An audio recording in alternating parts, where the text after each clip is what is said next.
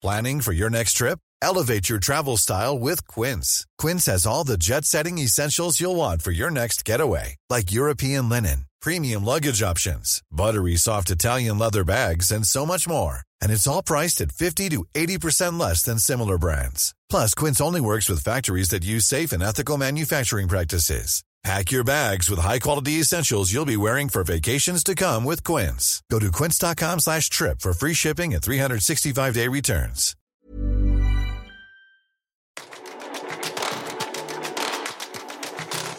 Hei og velkommen til Teknologitrender, podkasten som tar et entusiastisk, men også et kritisk blikk på hvordan teknologi og digitalisering endrer og påvirker våre liv og næringsliv. Episoden presenteres av Episenter, Oslos hub for digital innovasjon og et økosystem for innovative selskaper i vekst. Gå inn på episenteroslo.com og bli medlem du også. For et snaut år siden stilte jeg et retorisk spørsmål på hanspetter.info og på podkasten Hans Petter og co., hvor jeg da lurte på om det å ha en digitaliseringsminister hadde en reell eller kun en symbolsk verdi.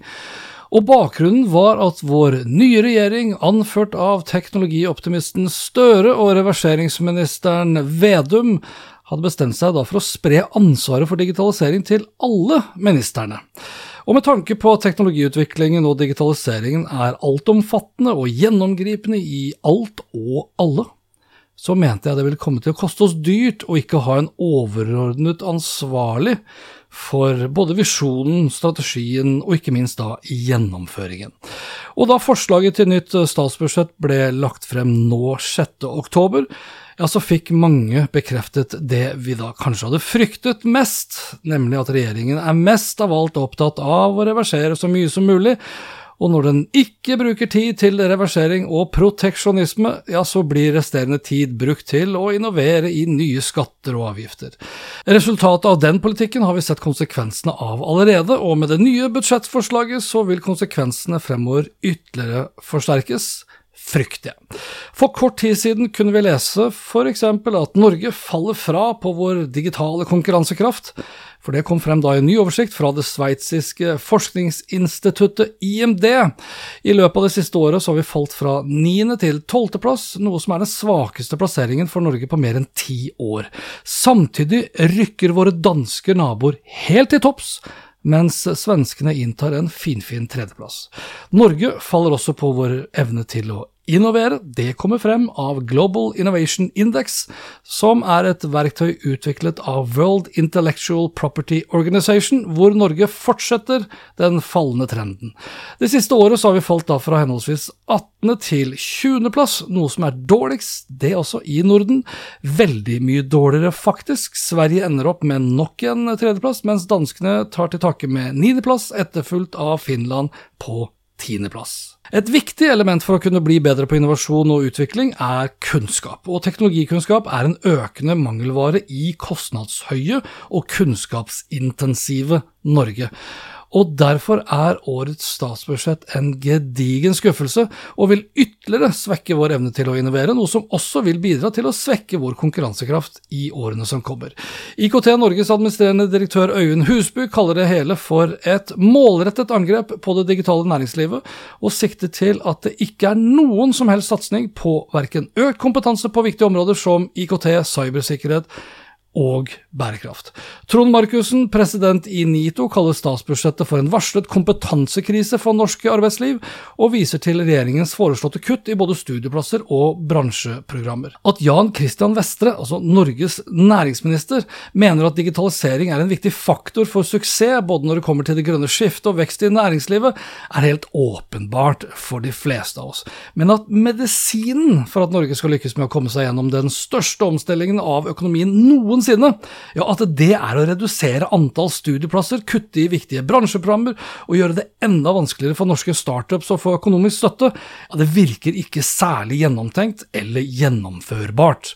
Ifølge næringsministeren så har vi kun et lite tiår på oss for å få det til, men skal vi tro IKT Norge, så er det lite sannsynlig. Ikke bare er IKT Norge bekymret for at det ikke er noen satsing på økt teknologikompetanse, men at den kompetansen som finnes, ja, den skal også skattlegges skattlegges betydelig hardere gjennom økt arbeidsgiveravgift. Det betyr at det blir både dyrere og vanskeligere å starte nye virksomheter og omstille eksisterende, i tillegg til at det blir enda vanskeligere og dyrere å tiltrekke seg høykompetent arbeidskraft som både offentlig og privat sektor har akutt behov for.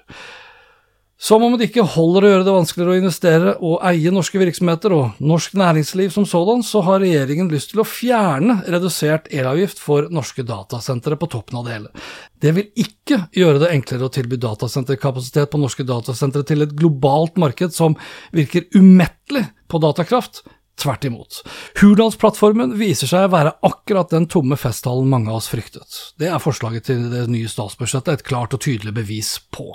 Norge trenger f.eks. over 40 000 nye IKT-eksperter i løpet av 2030, men i stedet for å øke antall studieplasser, fra knappe 3000 i året, tenker altså Støre og Vedum at det er bedre å redusere antallet, for å sikre da at vi lykkes med FNs bærekraftsmål, at vi lykkes med den nødvendige omstillingen av både offentlig og privat næringsliv, og at vi evner å opprettholde vår digitale suverenitet og motstandsdyktighet i en hverdag som i stadig større grad blir utsatt for sofistikerte cyberangrep. Næringsministeren uttalte under Arendalsuka i sommer at tilgang på kapital, kraft og folk er avgjørende faktorer for å lykkes med digitaliseringen som igjen er avgjørende for at Norge skal lykkes. Da er det rett og slett deprimerende at den samme regjeringen foreslår å redusere tilgangen på nettopp de samme faktorene.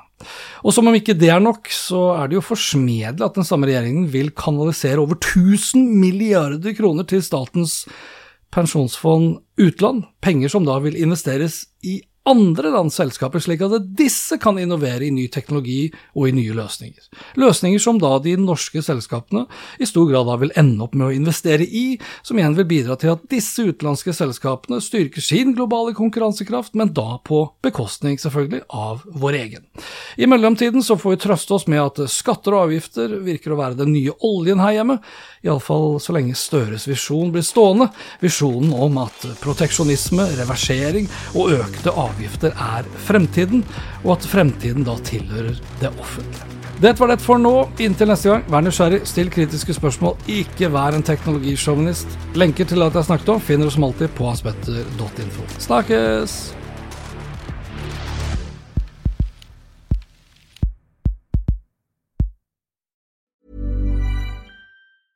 Hi, I'm Daniel, founder of Pretty Litter. Did you know cats tend to hide symptoms of sickness and pain? I learned this the hard way after losing my cat, Gingy. So I created Pretty Litter, a health monitoring litter that helps detect early signs of illness by changing colors, saving you money and potentially your cat's life. Pretty Litter is veterinarian developed, and it's the easiest way to keep tabs on your fur baby's health right at home. Go to prettylitter.com and use code ACAST for 20% off your first order and a free cat toy. Terms and conditions apply. See site for details.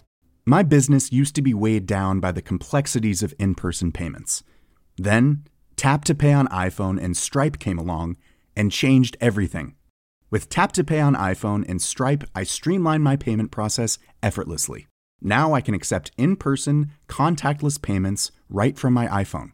No extra hardware required. What's truly remarkable is how I can cater to all of my customers' payment preferences. Whether they're using cards, Apple Pay, or other digital wallets, Tap to Pay on iPhone and Stripe ensure a smooth checkout experience every time. And it's not just me. Stripe helps businesses of all sizes, from local markets to global retailers, scale quickly and stay agile. To learn how Tap to Pay on iPhone and Stripe can help grow your revenue and reach, visit stripe.com/tapiphone.